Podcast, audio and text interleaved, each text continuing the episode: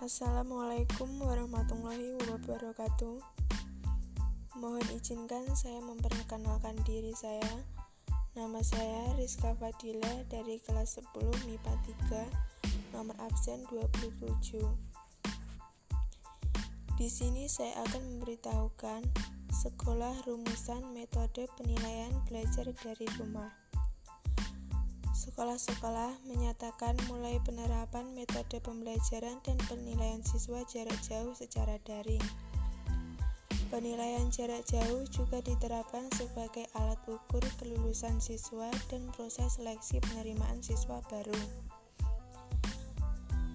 Mekanisme ini mulai berjalan sejak Kementerian Pendidikan dan Kebudayaan menerbitkan surat edaran agar para siswa belajar dari rumah untuk menghindari wabah COVID-19 atau bisa dibilang dengan corona.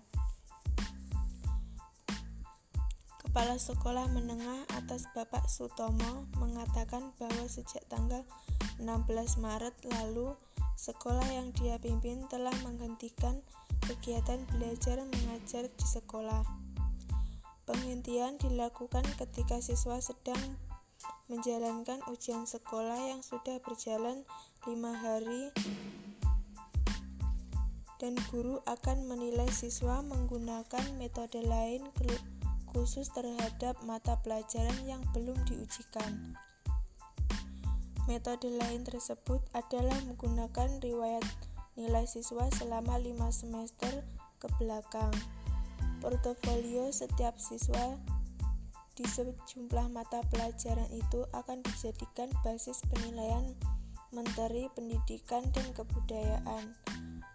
Nadiem Mukarim mengeluarkan surat edaran tentang larangan melaksanakan belajar mengajar secara tatap muka.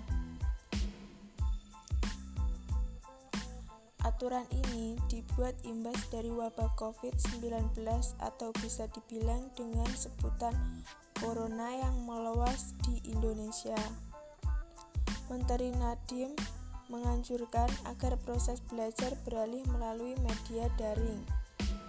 Dalam edarannya, Nadiem di antaranya menyatakan ujian nasional 2020 dibatalkan. Selain itu, keikutsertaan ujian nasional tidak menjadi syarat kelulusan atau seleksi masuk jenjang pendidikan yang lebih tinggi. Nadiem juga memperlakukan kegiatan belajar mengajar dari rumah melalui daring atau jarak jauh. Menurut Sutomo, ujian sekolah merupakan salah satu alat ukur bagi sekolah untuk menentukan kelulusan siswa.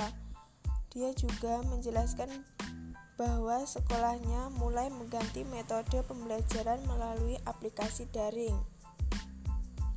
Dengan itu, setiap guru dan siswa dapat mengakses aplikasi tersebut untuk mengikuti proses belajar mengajar secara online sejak pukul 7 pagi hingga jam 2 sore.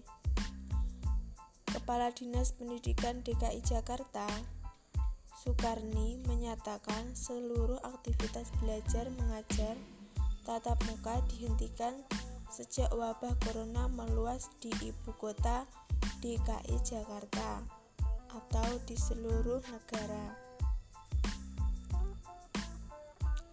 Dinas Pendidikan sedang menyiapkan petunjuk teknis bagi setiap sekolah untuk melakukan penilaian ketika ujian nasional tidak diadakan.